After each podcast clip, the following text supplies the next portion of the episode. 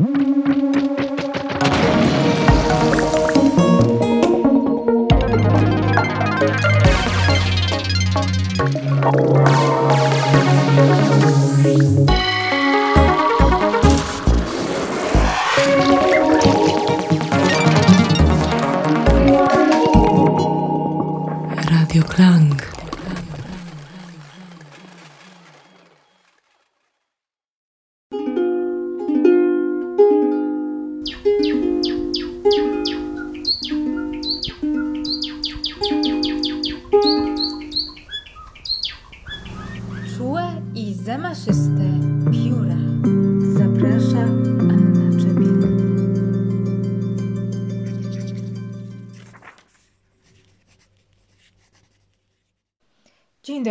9 lutego 2023 roku i tutaj mm, odzywają się czułe i zamaszyste pióra w Radiu Klank, y, Anna Czepiel. Dzisiaj będziemy omawiać, y, snuć refleksję raczej, tak to bym nazwała, na temat książki Marka Fischera pod tytułem Realizm kapitalistyczny. Czy nie ma alternatywy? Jest to książka mm, wydana przez y, Instytut Wydawniczy Książka i Prasa w Warszawie 2020 roku. Przekład Andrzeja Karalusa. I w ogóle ja powiem, dlaczego kupiłam tę książkę.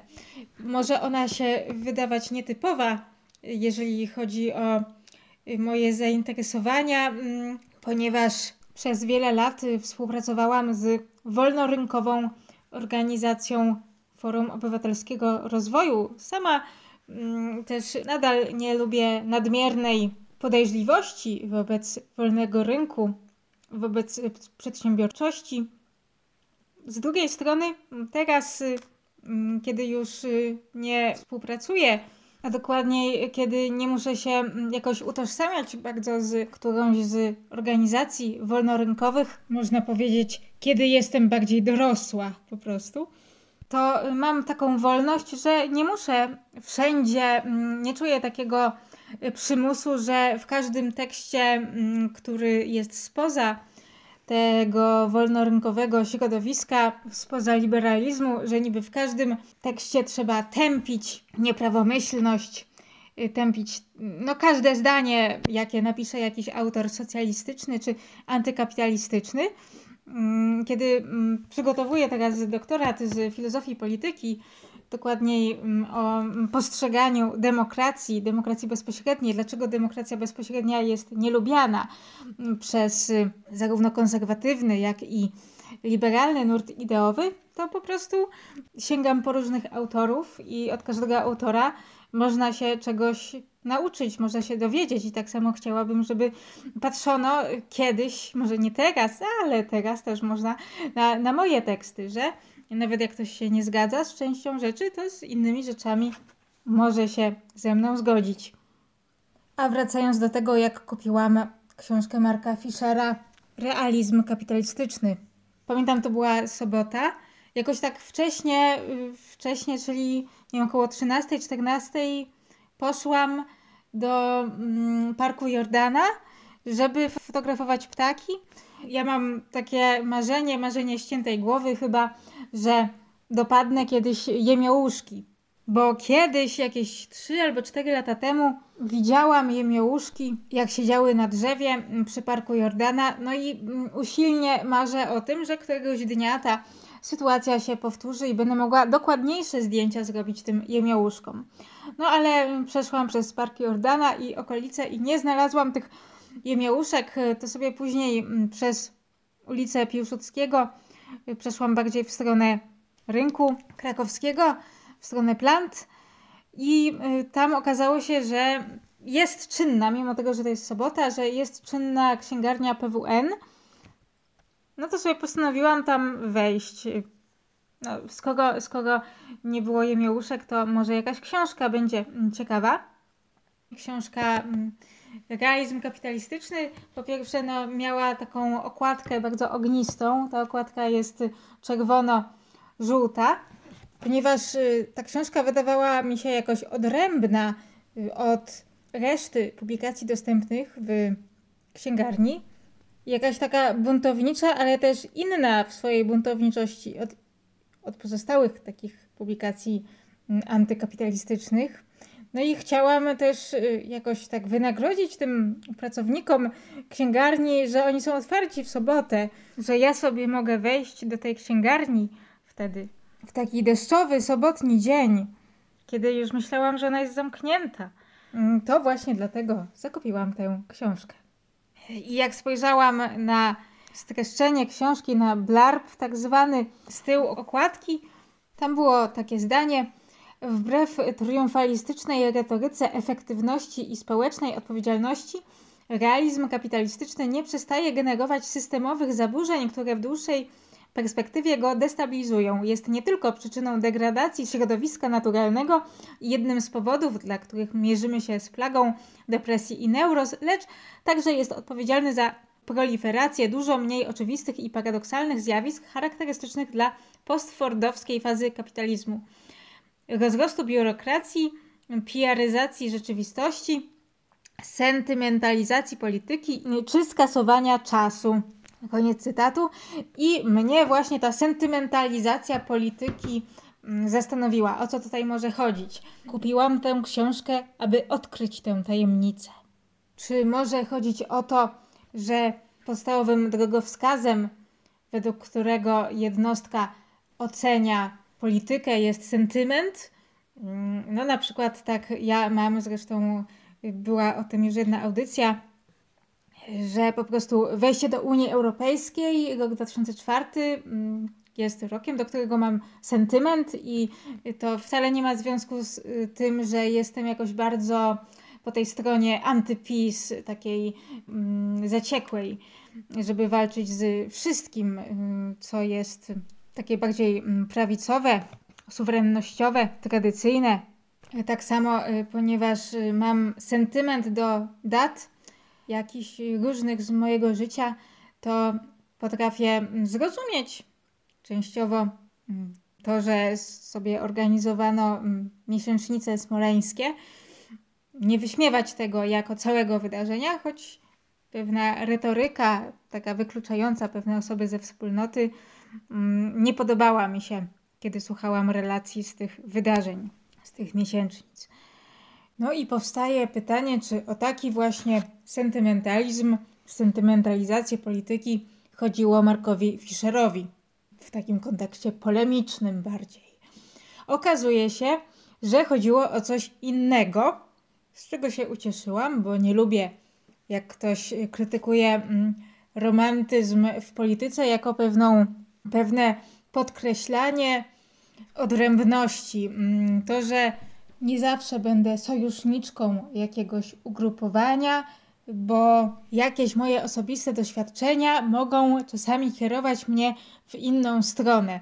Taki romantyzm polityczny krytykuje choćby Mark Lilla w książce Koniec liberalizmu, jaki znamy, ale tutaj znowu pojawia się błąd, bo takie właśnie opieranie polityki na własnych mm, doświadczeniach, opieranie poglądów politycznych na, na tym, co samemu się mm, przeżyło, na różnych też swoich sentymentach.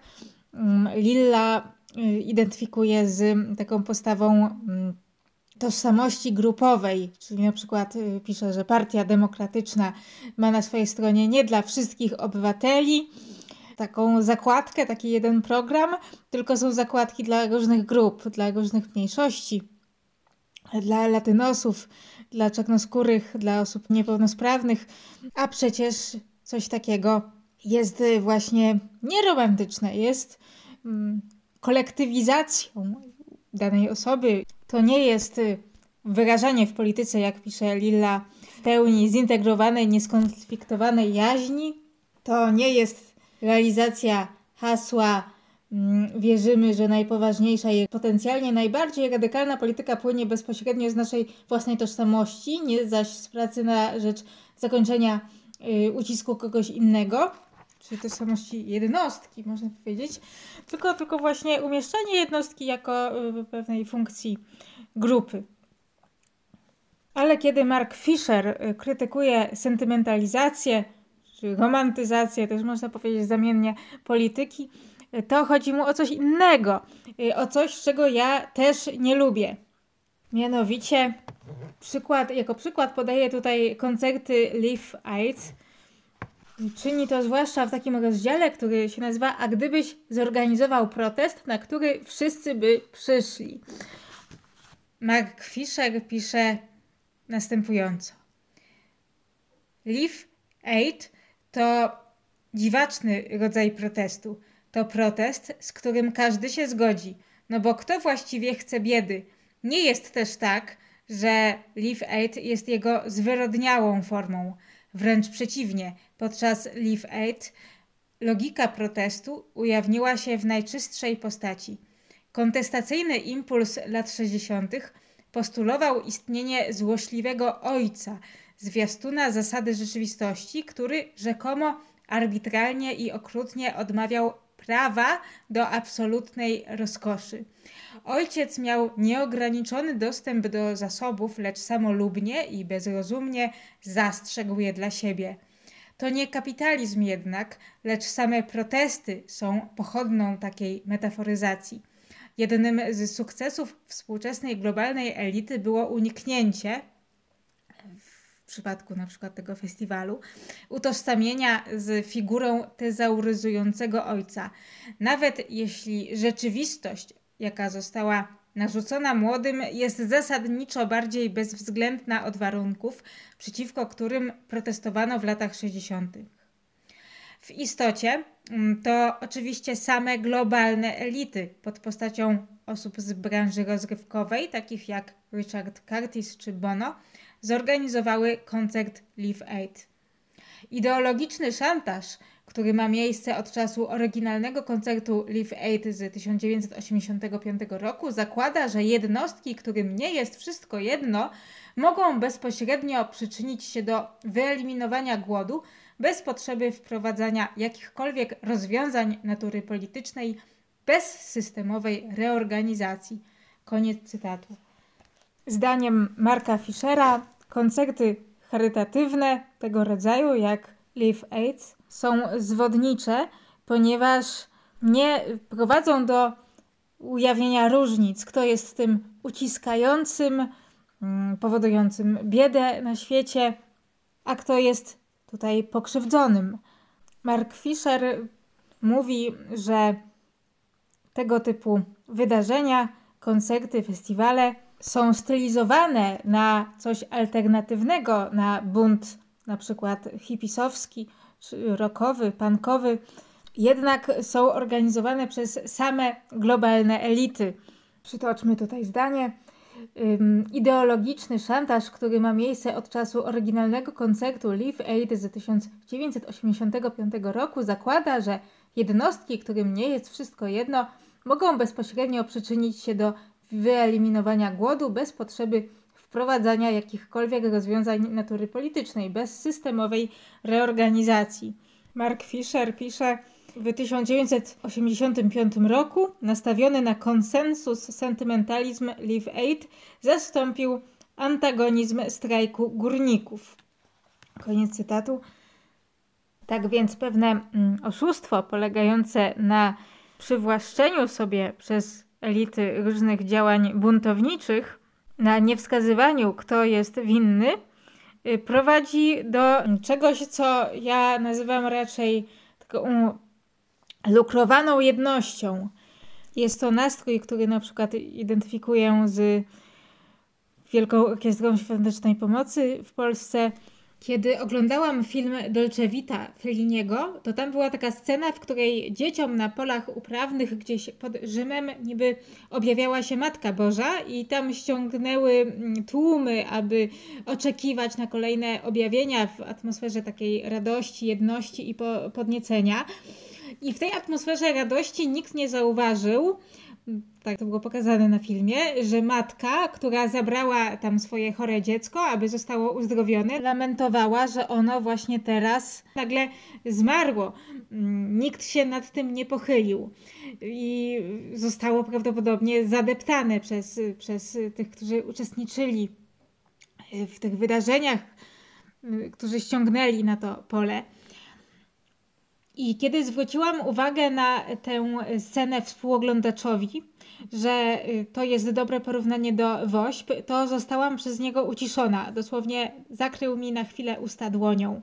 I myślę, że to moje doświadczenie jest też doskonałym przykładem konfrontacji tego, no, takich dwóch fenomenów, o których będę mówić dalej. O krytykowanym przez Fischera złym eklektyzmie, promowanym przez ten tak zwany realizm kapitalistyczny i o dobrym eklektyzmie, w którym obejrzenie jakiegoś dzieła sztuki nie jest jedynie nieprzerwaną przyjemnością estetyczną, ale wyzwala w nas odniesienia mm, do y, tego, co widzimy, do rzeczywistości, a zatem konfrontacyjne uczucia, prometeizm, chęć zaangażowania, walki, etykę przekonań, mm, chęć naprawy jakiejś sytuacji, niesprawiedliwości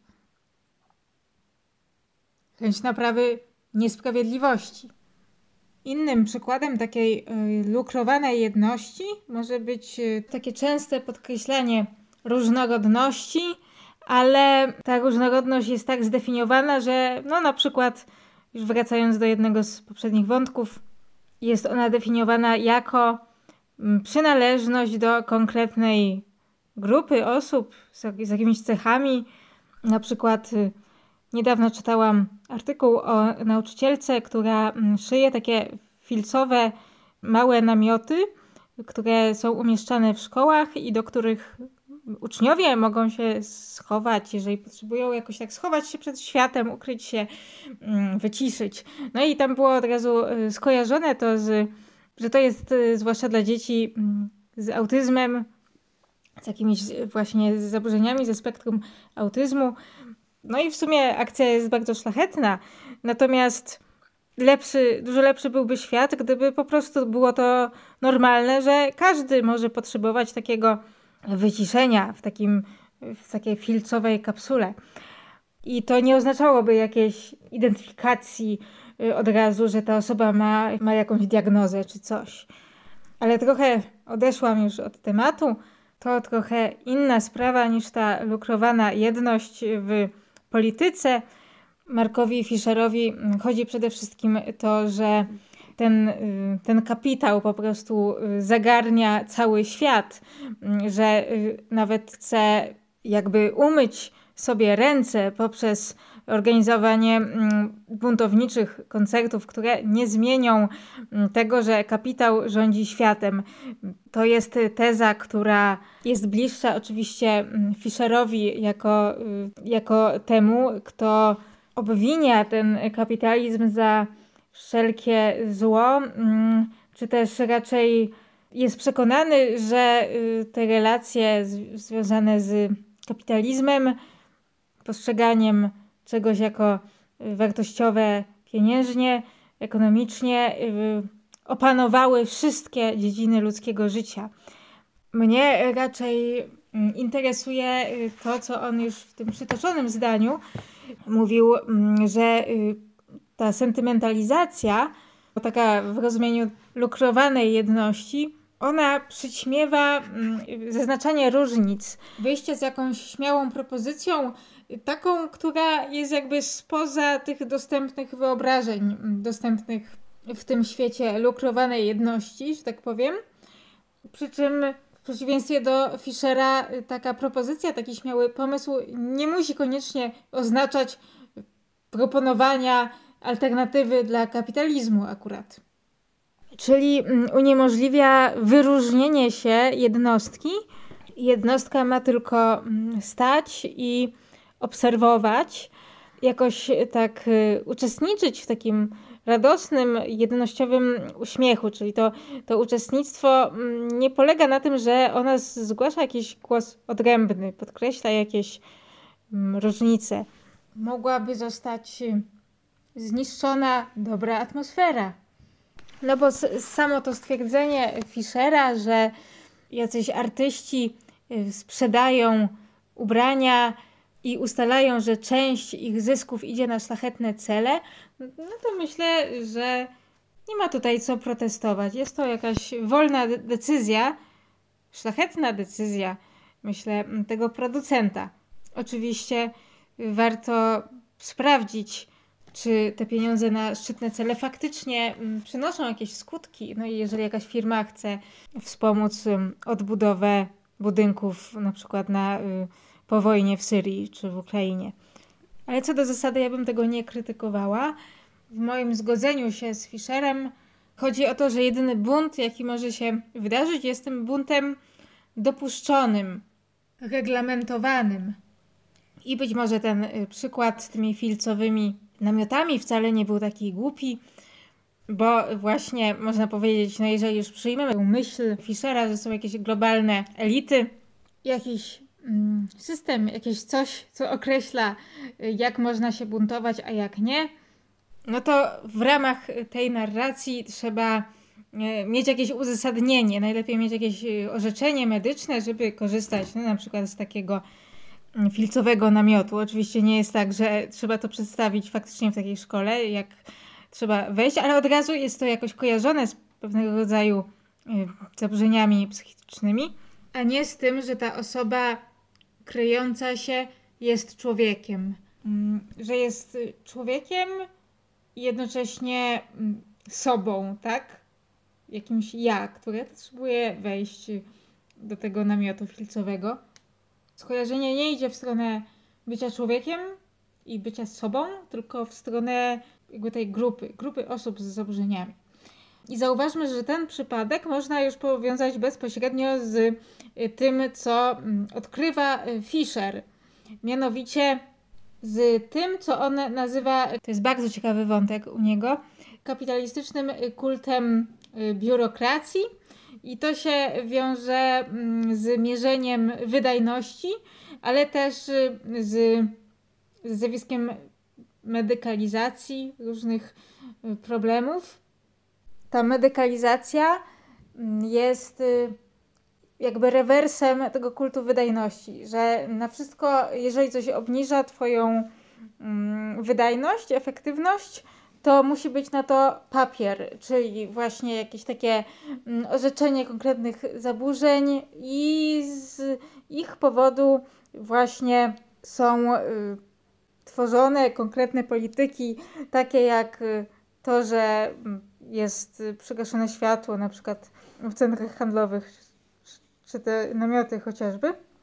Więc y, tutaj mm, tak, tutaj można się zgodzić z Fischerem że to się jakoś łączy. Innym przykładem, e, gdzie bunt jest dopuszczony, ale reglamentowany, jest na przykład to, że powstała pewna mm, na Uniwersytecie Jagiellońskim powstała komórka, taka instytucja do zwalczania nierówności, do spraw równego traktowania. I no, narracja temu towarzysząca była taka, że tutaj mm, przejawom przemocy seksualnej, molestowania, jakichś żartów seksistowskich ta, ta komórka miała się sprzeciwiać, reagować, kiedy ktoś zgłosi takie rzeczy. To oczywiście są ważne problemy, natomiast y, i duch, i litera tekstów przygotowywanych przez tę komórkę reglamentowała jakby tematykę tego, co można zgłaszać, czyli przeciwko czemu można się buntować. I jak była taka ankieta rok temu, mm, ta komórka właśnie ją rozsyłała.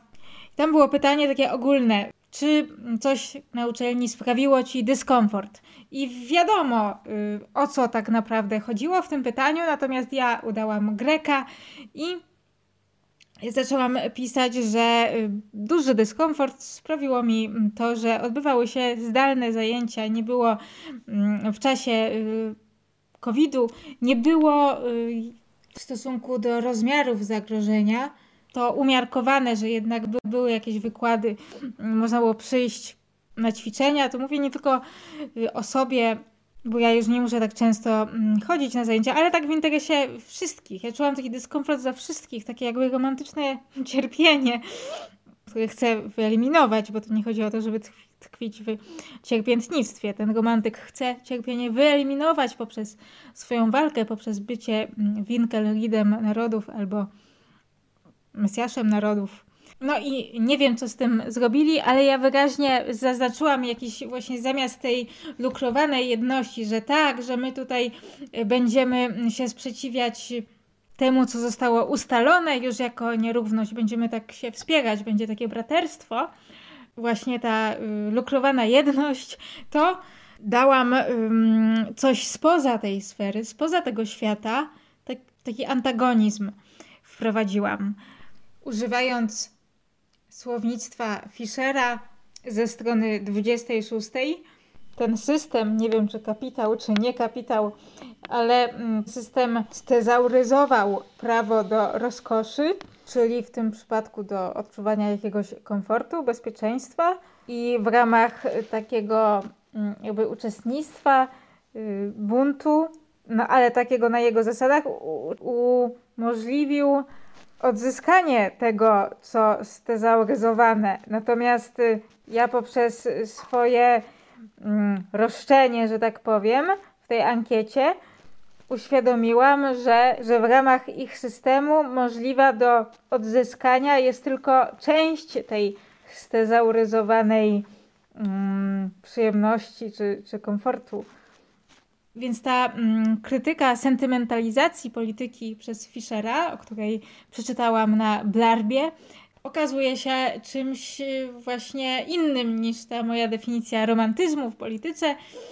Okazuje się y, być czymś, czemu ja też się sprzeciwiam. Czułe i zamaszyste I z tą jego krytyką sentymentalizacji polityki, czyli właśnie mm, co Mark Fisher przedstawia przede wszystkim za pomocą mm, przykładu koncertu Live Aid, kryje się ważne y, rozróżnienie, od którego zaczyna swoją książkę. Rozróżnienie na taką kulturę, która daje sprawczość i taką, która nie daje sprawczości. Tutaj musimy się odwołać do tego, jak on definiuje postmodernizm, czy też właśnie ów realizm kapitalistyczny, który uważa on sam za lepsze pojęcie, bardziej adekwatne niż postmodernizm. Zacytujmy. Ten zwrot od wiary do estetyki, od zaangażowania do biernego przypatrywania się, uważa się za jedną z cnót realizmu kapitalistycznego. Koniec cytatu. Realizm kapitalistyczny jest taką rzeczywistością, która wcale nie ceni działania, zaangażowania. Stąd właśnie obserwowanie, kult wesołego obserwowania wydarzeń takich jak Live Aid. Ta intuicja zostaje powtórzona kilka stron dalej. Przeczytajmy. W tym samym czasie, kiedy poszczególne formy modernizmu zostały wchłonięte i utowarowione, jego credo, rzekoma wiara w elitaryzm i monologiczny, odgórny model kultury zostały zakwestionowane i odrzucone w imię różnicy, różnorodności i pluralizmu. Realizm kapitalistyczny nie angażuje się już w tego rodzaju konfrontację z modernizmem. Przeciwnie, z góry zakłada, że modernizm został przezwyciężony. Modernizm to coś, co może od czasu do czasu powrócić, ale wyłącznie jako zamrożony styl estetyczny, nigdy jako życiowy ideał. Koniec cytatu. Dzięki tego rodzaju zdaniom, rozróżnieniom możemy lepiej zrozumieć, co ma na myśli Fischer, kiedy pisze na przykład za Delezem, że kapitał to pstrokaty obraz wszystkiego, w co kiedykolwiek wierzono. Dziwna hybryda ultranowoczesności i tego, co archaiczne. Koniec cytatu. To nie jest protest przeciwko samemu y, eklektyzmowi. Eklektyzm może być pozytywny, może być właśnie takim zgodnym z jednostką, jak zresztą pisał Goethe, wybieraniem z różnych miejsc tego, co najbardziej wartościowe. Fischer krytykuje sytuację mm, po prostu, kiedy różne idee, style, dzieła sztuki, mm, owszem, są łączone na sposób eklektyczny, są liczne odwołania, ale w taki sposób, mm, kiedy nie angażuje to nas za bardzo, nie powoduje u nas wiary, jak to on pisał, jakiejś chęci działania, tylko jest jakby mozaiką, którą widzimy w gazetce handlowej. Tymczasem chodzi właśnie o uczestnictwo, o twórczą interakcję z tradycją. Przykładowo Fischer cytuje Eliota, który pisze w eseju Tradycja i talent indywidualny, że nowe definiowane jest jako reakcja na to, co już istnieje. Z kolei to, co zastane, musi zostać ponownie skonfigurowane w odpowiedzi na to, co nowe. Eliot twierdził, że wyczerpanie się przyszłości zabierze nam przeszłość. Tradycja nic nie znaczy, jeśli nie jest już dłużej kontestowana i modyfikowana. Kultura, którą się już tylko przechowuje, nie jest w ogóle kulturą. Los Guerniki Picassa, kiedyś pełnego udręki oburzenia wymierzonego w faszystowskie bestialstwo, teraz malowidła ściennego, jest symptomatyczny. Obrazowi nadaje się status ikonicznego, kiedy obdziera się go z kontekstu, kiedy nie pełni jakiejkolwiek funkcji. Koniec cytatu. Czyli no wtedy, kiedy nie może u nas y, spowodować poruszenia tego właśnie wyjścia poza, można powiedzieć, tę lukrowaną jedność. I myślę, że mm, to rozróżnienie między, można powiedzieć, dobrym eklektyzmem, a złym eklektyzmem warto zapamiętać, nawet jeżeli mm, niekoniecznie się zgodzimy, że, że ten zły eklektyzm, ten, który mm, w nas nie powoduje poruszenia, który nie jest tym wybieraniem sobie właśnie wedle sentymentu tego, co widzimy jako wartościowe na różnych polach, nie wiem, i muzyka średniowieczna, i współczesna muzyka alternatywna, i PiS, i antypis, tylko eklektyzm który jest tylko ozdobą, która nas nie angażuje. No, warto to rozróżnić, nawet jeżeli mm, nie będziemy podzielać przekonania Fischera, że ten zły eklektyzm, ten nieangażujący nas jest spowodowany koniecznie przez kapitalizm, przez wolny rynek, przez przedsiębiorczość, a bardziej przez pewne umysłowe lenistwo,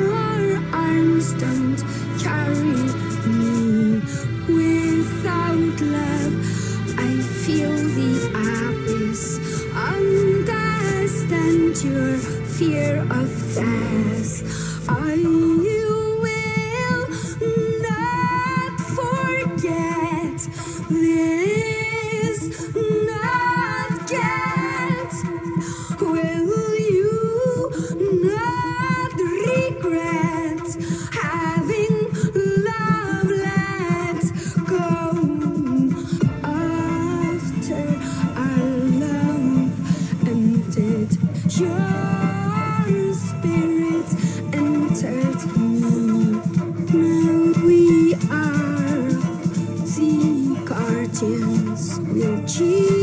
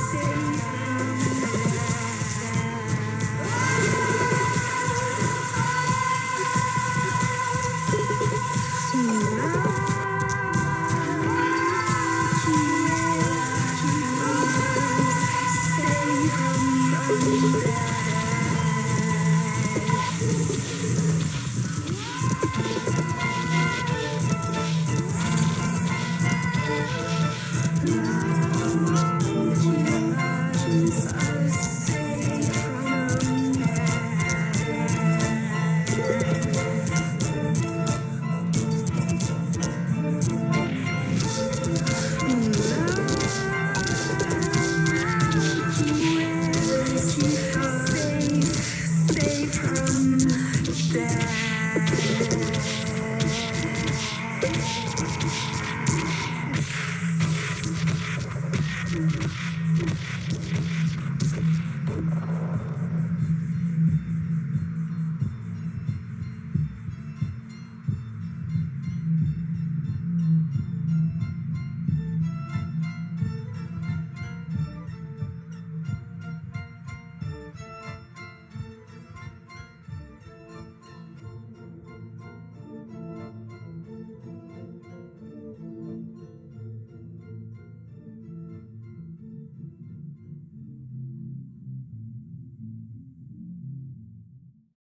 Ale wróćmy do tytułu tej audycji, czyli Bułka serdeczna od Marka Fischera. Co myśl Marka Fischera ma wspólnego z bułką serdeczną, a dokładniej z moją wycieczką nocną po bułkę serdeczną? Poniedziałek wieczorem, ponieważ mam bardzo nieregularny tryb życia, to ostatkami mm, energii wygramoliłam się z domu do pobliskiego Lidla, żeby przed zamknięciem owego Lidla, bo już się zbliżała 23, zakupić bułkę serdeczną. To znaczy jakąkolwiek bułkę.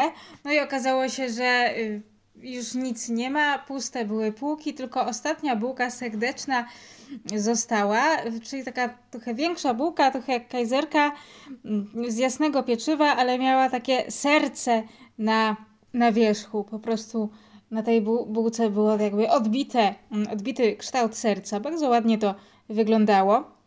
I byłam zadowolona, że chociaż ta bułka została i wróciłam do domu z tej krótkiej mojej wieczornej przechadzki do Lidla.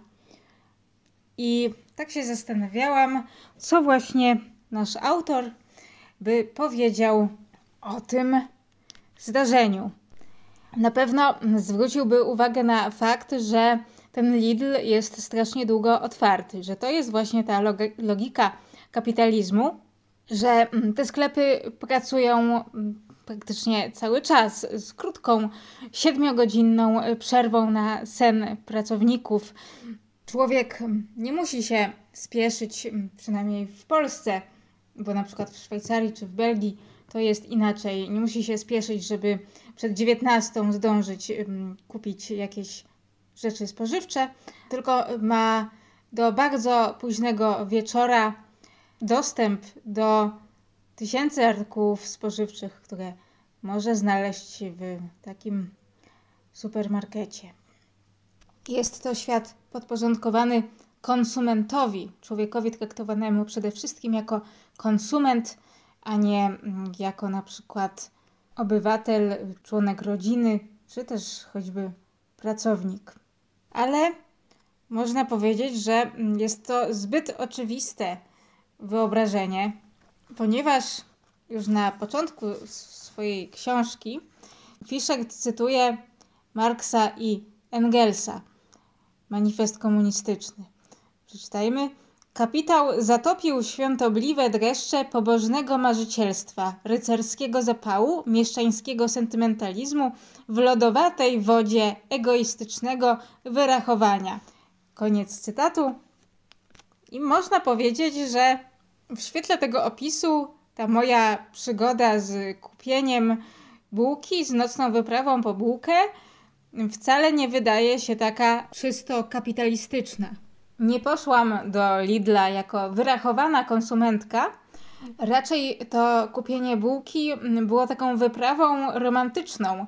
Było tym żywotem, epizodem z żywota marzycielki, mm, z żywota pełnego rycerskiego zapału, ponieważ kiedy właśnie o tej 22.30 wychodzę do Lidla po bułkę, bo wcześniej na przykład śpię, to mam świadomość, że to, co robię, jest takim czymś łobuzerskim, że w pewnym sensie żyję niezgodnie z takimi zasadami, według których ludzie powinni funkcjonować w społeczeństwie.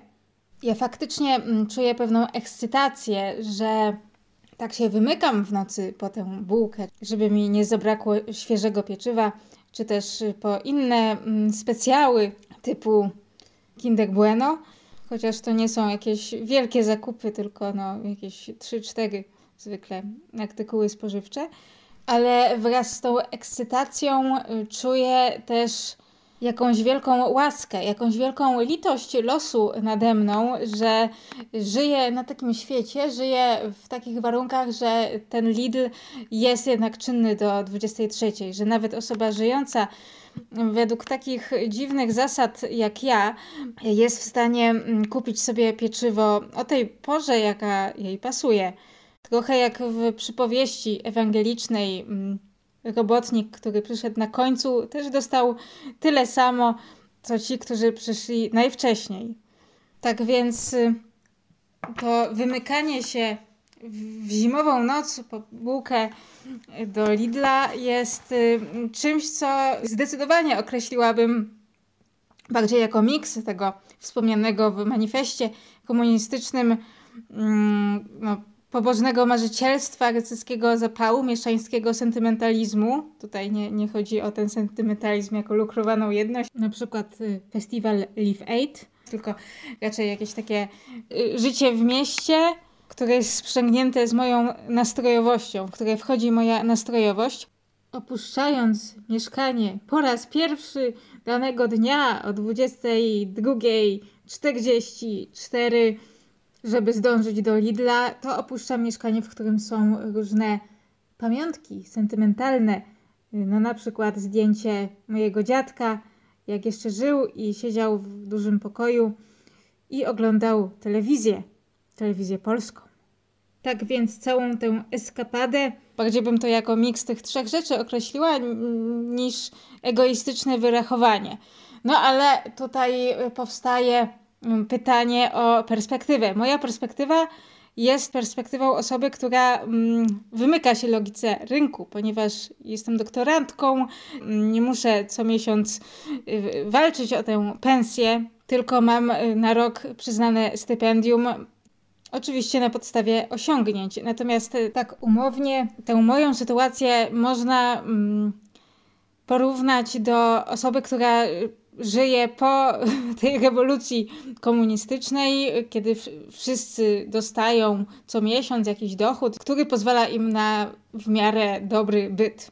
Natomiast perspektywa pracownika takiego Lidla już może być inna. On już może mieć wyrzut do świata, taki zarzut, że musi pracować do tej 23, że to mu może pewne relacje rodzinne psuć, chociaż wiadomo, że mm, praca do 23 nie oznacza w tym przypadku, że człowiek pracuje od 6 rano na przykład do 23, tylko są pewne zmiany. Mm, więc może właśnie takiej osobie jest wygodniej pracować w Lidlu jakoś po południu, od, mm, na przykład od 17 do 23.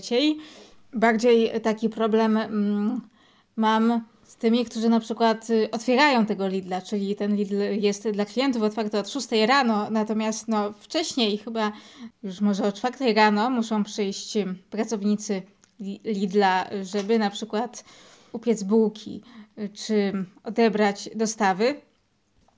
Tutaj już bym bardziej była zaniepokojona, że muszą tak wcześnie wstać. Raczej tak bardzo wczesne wstawanie nie jest dobre dla zdrowia. Jest to dużo gorsza sytuacja niż właśnie taka praca od 17 do 23. Ponadto niewątpliwie taki pracownik Lidla musi mm, ciągle się mieć na baczności, ciągle być pod kontrolą. To nie jest praca humanisty, który po prostu pisze swoje teksty. Musi oczywiście stosować się do jakichś reguł, na przykład reguł pisania prac naukowych, ale tam są pewne procedury pewnie w tym Lidlu, które trzeba przestrzegać.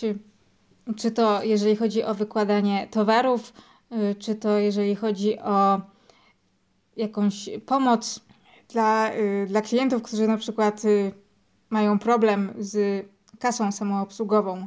Czasami mm, ten pracownik jest tak zajęty różnymi rzeczami, że nie ma czasu podejść mm, do tego, tego, który właśnie potrzebuje pomocy przy takiej kasie, co oznacza, że pracownicy Lidla są bardzo zagonieni. Innymi słowy, to co dla mnie jest romantyczną przygodą, rycerską awanturą, czyli wyjście do Lidla po bułkę, wymknięcie się tej humanistki, tego Helderlina ze swojej wieży po bułkę, to dla pracownika sklepu jest y, czymś pozbawionym najczęściej mm, takich, takiego uczucia przygody. W Genewie kiedyś odbywało się referendum, czy pozwalać na sklepy spożywcze otwarte 24 godziny.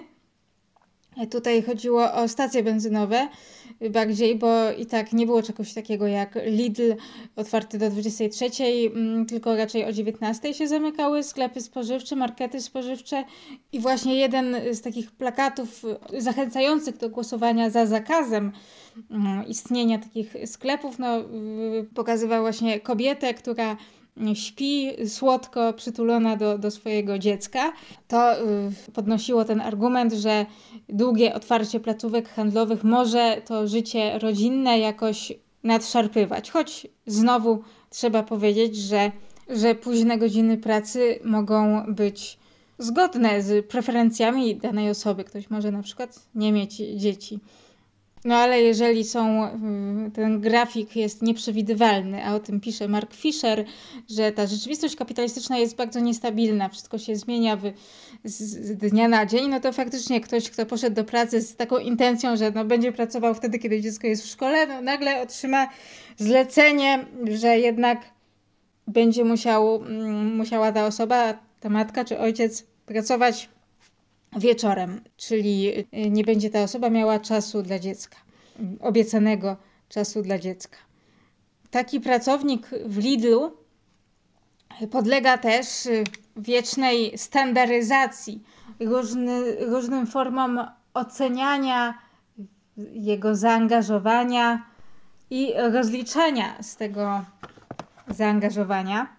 Znamienny pod tym względem jest rozdział książki Fischera pod tytułem Wszystko co stałe rozpływa się w pijarze. Stalinizm rynkowy i biurokratyczna antyprodukcja. Ja już naprawdę dawno temu, może mm, już nawet kiedy miałam jakieś 19 lat, wpadłam na taki pomysł, że nie warto być takim dogmatykiem prorynkowym, bo przecież kapitalizm wcale nie eliminuje biurokracji, którą tak bardzo zwalcza. Nadal są różne mm, problemy biurokratyczne. Nieważne, czy biurokracja jest ustanawiana na przykład w prywatnych sieciach telefonii komórkowej jak T-Mobile czy Play, a nie tylko na Poczcie Polskiej. Dlatego Mark Fisher, zwracając uwagę na problem stalinizmu biurokratycznego w kapitalizmie, zyskał od razu moją sympatię i pewną y, taką opinię moją, że tak naprawdę jest y, w pewnym sensie proindywidualistyczny. Mark Fisher nawiązuje mm, w tym rozdziale do filmu Mike'a Judge'a pod tytułem Życie biurowe, jak pisze, mm, film pokazuje korporację otępiałą od administracyjnej antyprodukcji. Pracownicy otrzymują od różnych menedżerów notatki służbowe, które mówią dokładnie to samo. Mm, naturalnie notatka służbowa dotyczy praktyk biurokratycznych. Jej celem jest wymuszenie dostosowania się do nowej procedury dotyczącej wkładania pierwszej strony faksu do raportów. Ten sam etos menedżeryzmu występuje w korporacyjnej sieci kawiarni, do której chodzą się relaksować pracownicy biurowi. Tam od obsługi wymaga się przyczepienia do uniformu siedmiu znaczków talentów, takich plakietek bądź oznak, które mają wyrażać ich w cudzysłowie indywidualizm i kreatywność.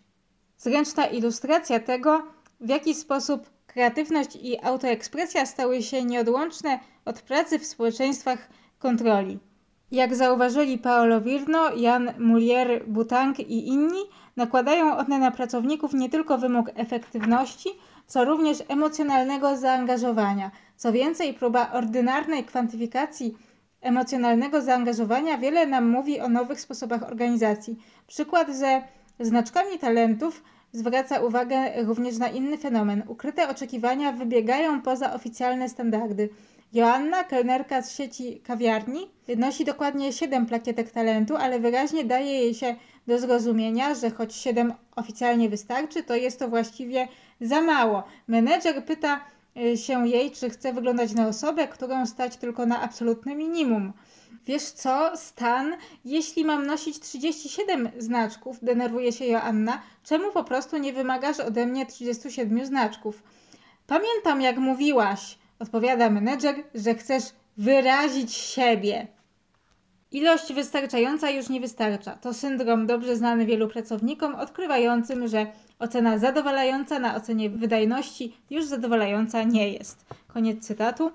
No i z takim y, właśnie, z taką właśnie parametryzacją, obowiązkiem y, nie tylko mm, jak najlepszej pracy, ale też spełniania różnych y, celów firmy, muszą się prawdopodobnie liczyć mm, również pracownicy takiej korporacji, jaką jest Lidl. Oczywiście doktoranci mm, czy pracownicy naukowi również ubolewają nad parametryzacją nauk, natomiast y, nie jest to tak nieustanne jak w przypadku codziennego przychodzenia do pracy w Lidlu. Ale tutaj możemy mieć do czynienia z kolejnym paradoksem, bowiem kiedy wszystko jest takie wystandaryzowane, to romantycznym przeżyciem nie tylko po stronie kupującego bułkę, ale też po stronie tego, który ją upiekł, tego właśnie piekarza z Lidla, mm, może być doświadczenie, mm, że ta bułka wymknęła się tej standaryzacji. Mark Fisher cytuje mm, Frederika Jamesona, który pisze, że zachodzi równoważność między bezprecedensowym tempem zmiany na wszystkich poziomach życia społecznego, a bezprzykładną standaryzacją wszystkiego uczuć, towarów, konsumpcyjnych, języka, zabudowy przestrzeni, która zdawałaby się jest nie do pogodzenia z taką zmiennością. Zaczynamy zdawać sobie sprawę z tego, że żadne społeczeństwo nigdy nie było tak zestandaryzowane jak to. Koniec cytatu. Standaryzacja jest, można powiedzieć, właśnie przeciwna indywidualizmowi jakim, jakimś indywidualnym rysom i, i pojawieniu się tego, co nieprzewidywalne.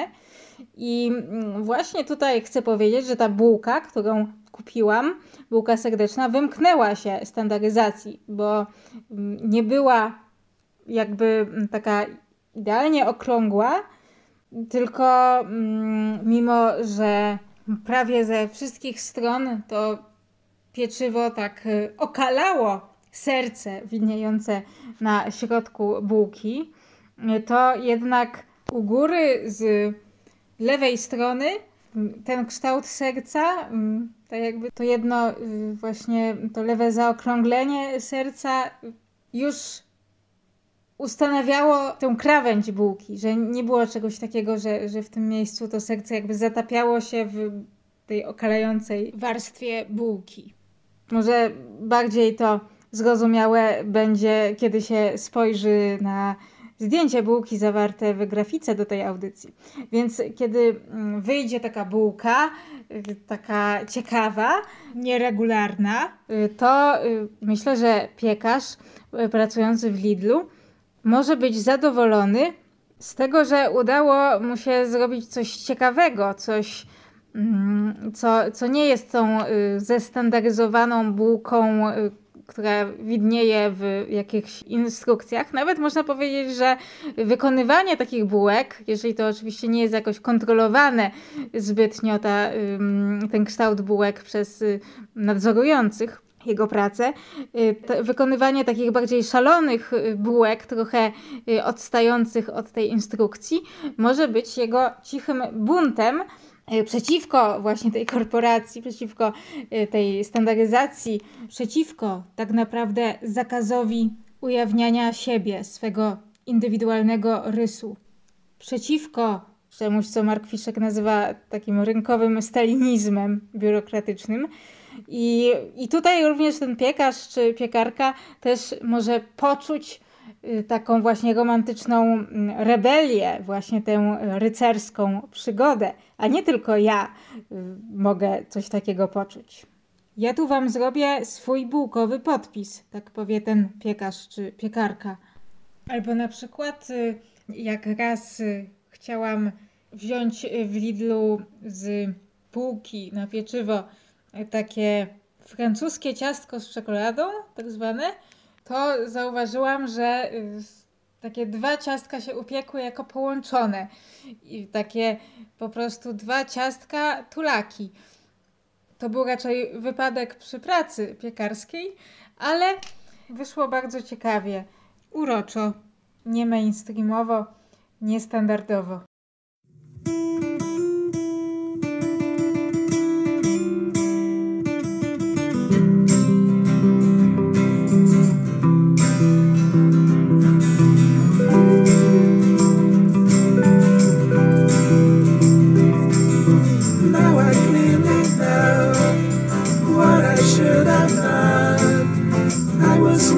And so obsessed and so weak.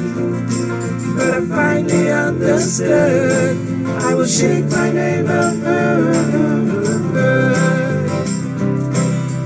No more murmuring no complaint. No more circumstances on my way. Only steady love, only steady joy. Only steady love, only steady joy. Let the skeleton burn. Let the medicine go.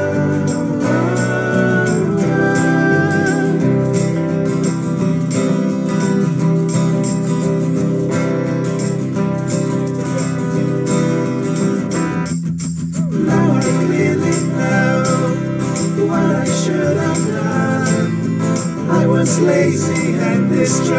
so naive. When I finally neighborhood, I would shake my understood. No more oversleep, no more skill. No more flower whispers on my ear. Only steady beat, only steady beat, only steady beat, only steady beat. Let the skeleton run, let the skeleton go.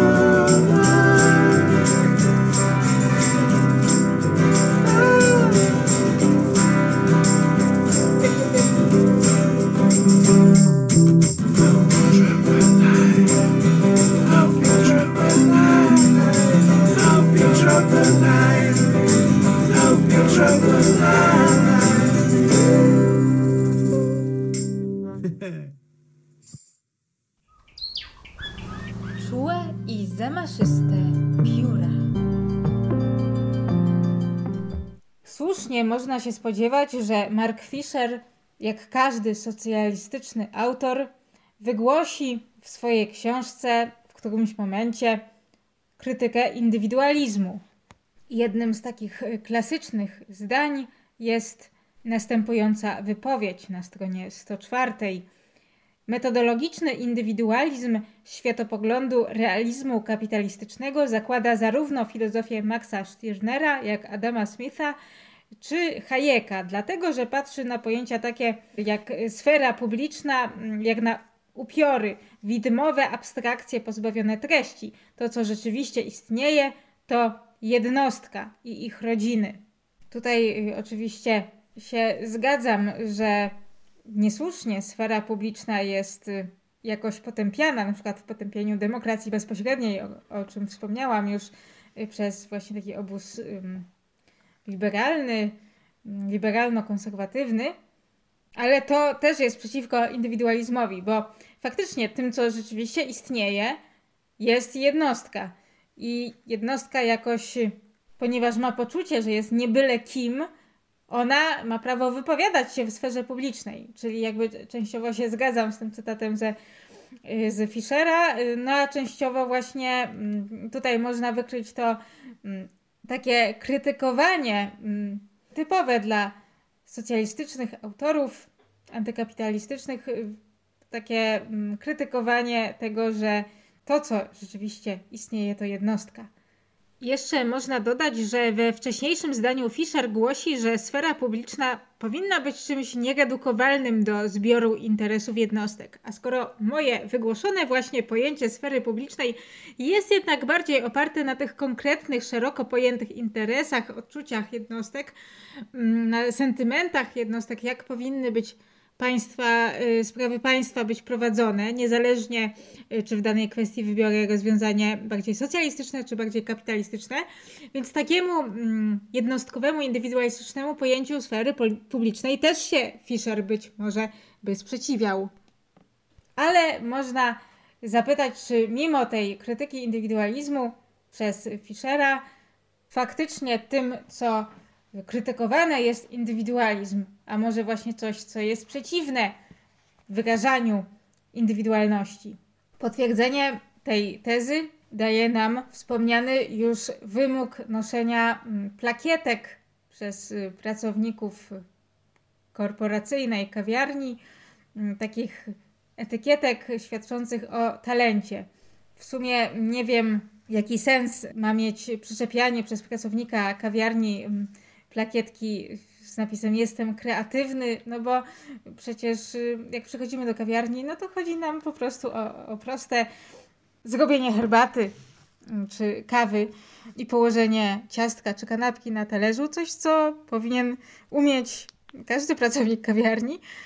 I tutaj takie mm, niewyrażone wprost, niewyrażony wprost wymóg, presja na to, żeby mieć jak najwięcej takich plakietek, stanowi pewne wypaczenie indywidualizmu, ponieważ w takim ujęciu indywidualizm i kreatywność są właśnie napisem na plakietce, czy też y, jak bardziej ogólnie mówi Fischer, wyznacznikiem gorliwości danego pracownika mm, w spełnianiu różnych nakazów od kierownictwa, a nie jakimś prawdziwym indywidualizmem, twórczością, y, który mógłby się objawiać w tym, że dana osoba nie tylko pracuje w kawiarni, ale też na przykład pisze wiersze, czy stara się każdemu powiedzieć jakieś miłe słowo.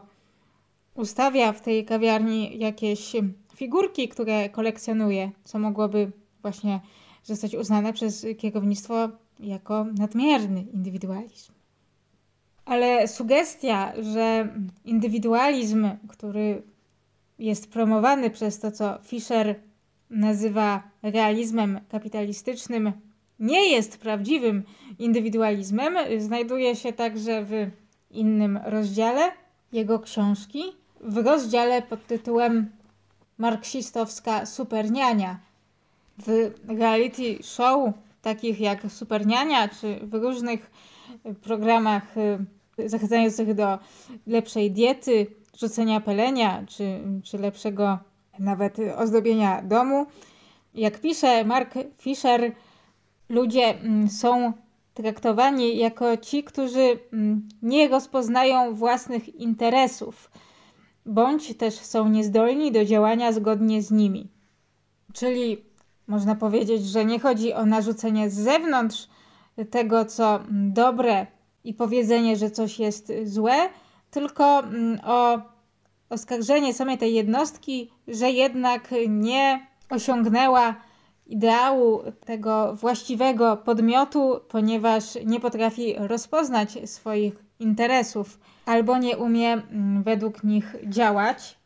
Czyli tutaj Fischer porównuje to do kondycji dzieci według Spinozy. Dzieci, kondycja dzieci jest żałosna, nie są w stanie rozpoznać swoich własnych potrzeb, nie są w stanie pojąć ani przyczyn, ani zazwyczaj zgubnych skutków własnych działań.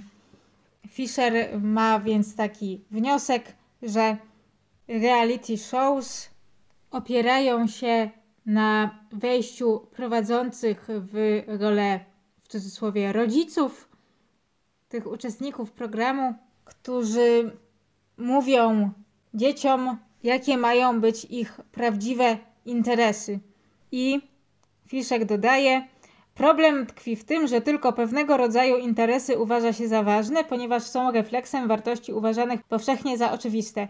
Zbijanie wagi, ozdabianie domu, poprawianie wyglądu należą do reżimu konsentymentalnego. Jakiekolwiek nawoływanie do kulturowego doskonalenia się to już opresja i elitaryzm. Koniec cytatu. I właśnie to połączenie niedemokratycznego w gruncie rzeczy uznawania podmiotu za niezdolny do rozpoznania swoich prawdziwych interesów y, oraz fenomen traktowania tylko części interesów y, za normalne, uważałabym właśnie za antyindywidualistyczny rys systemu, który Mark Fisher nazywa realizmem kapitalistycznym.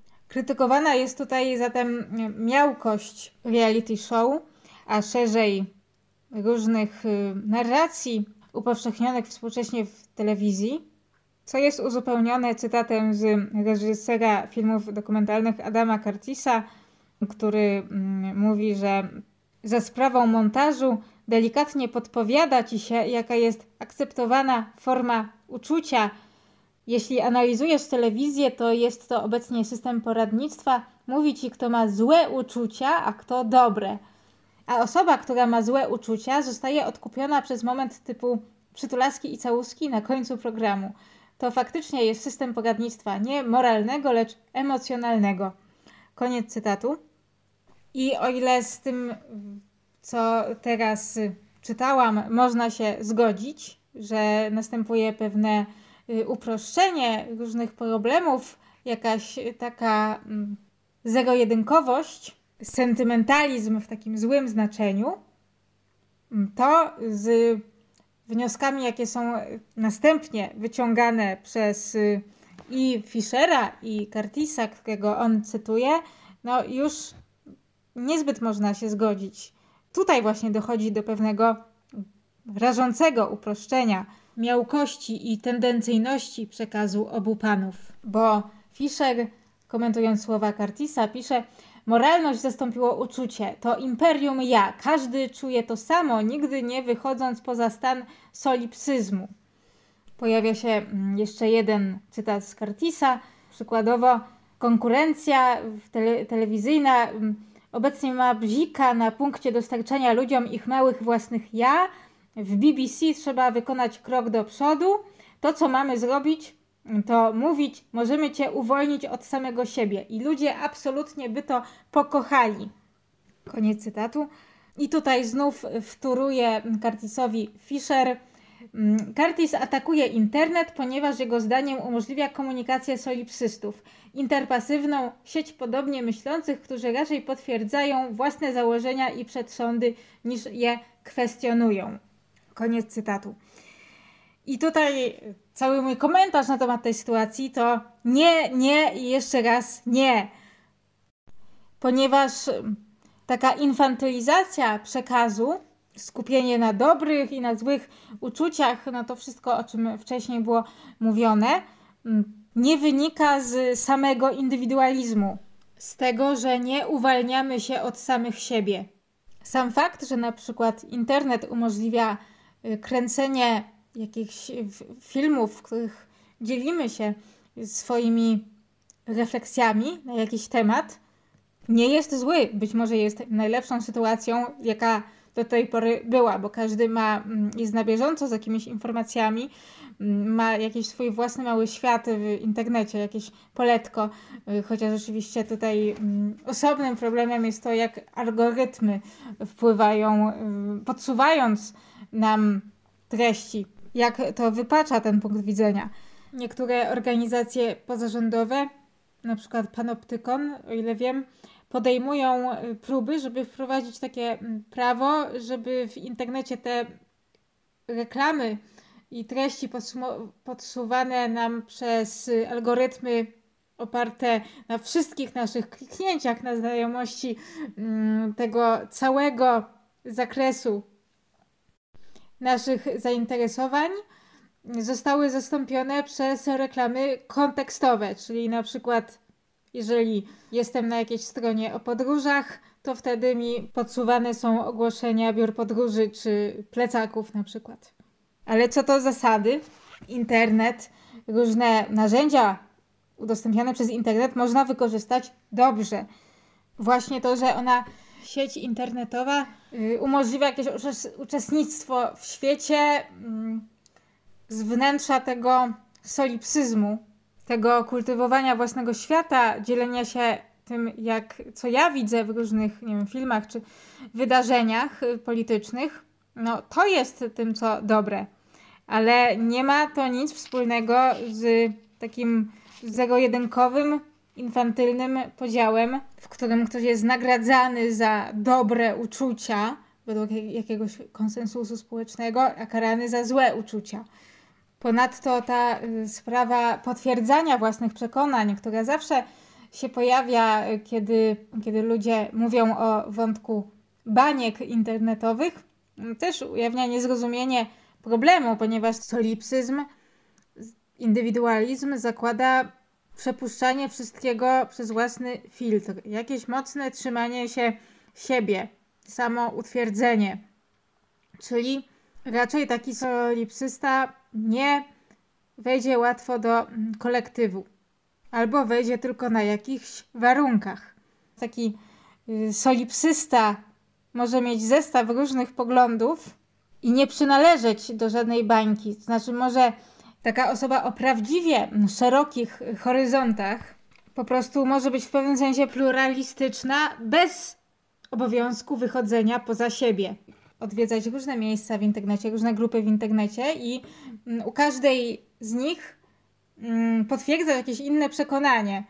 Z jakimiś oczywiście odchyleniami na dyskusję, ale, ale potwierdzać jakieś y, intuicje, które składają się na, na jakiś bardzo wewnętrznie różnorodny, bogaty zestaw jej poglądów. To chyba odpowiada osobie kulturowo udoskonalonej, o której pisze Fischer choć może być nie tylko wpływem kultury, ale bardziej czymś wrodzonym, wynikać z jakiejś wrodzonej wrażliwości. Takiej, którą słyszeliśmy u wszystkich artystów wykonujących piosenki w dzisiejszej audycji, czyli Genesis, Björk i The Soundgaps. Miłej zimy nastroszonej, walentynek nienastroszonych. To były czułe i zamaszyste pióra w radiu Klang Anna Czepiel. Pozdrawiam.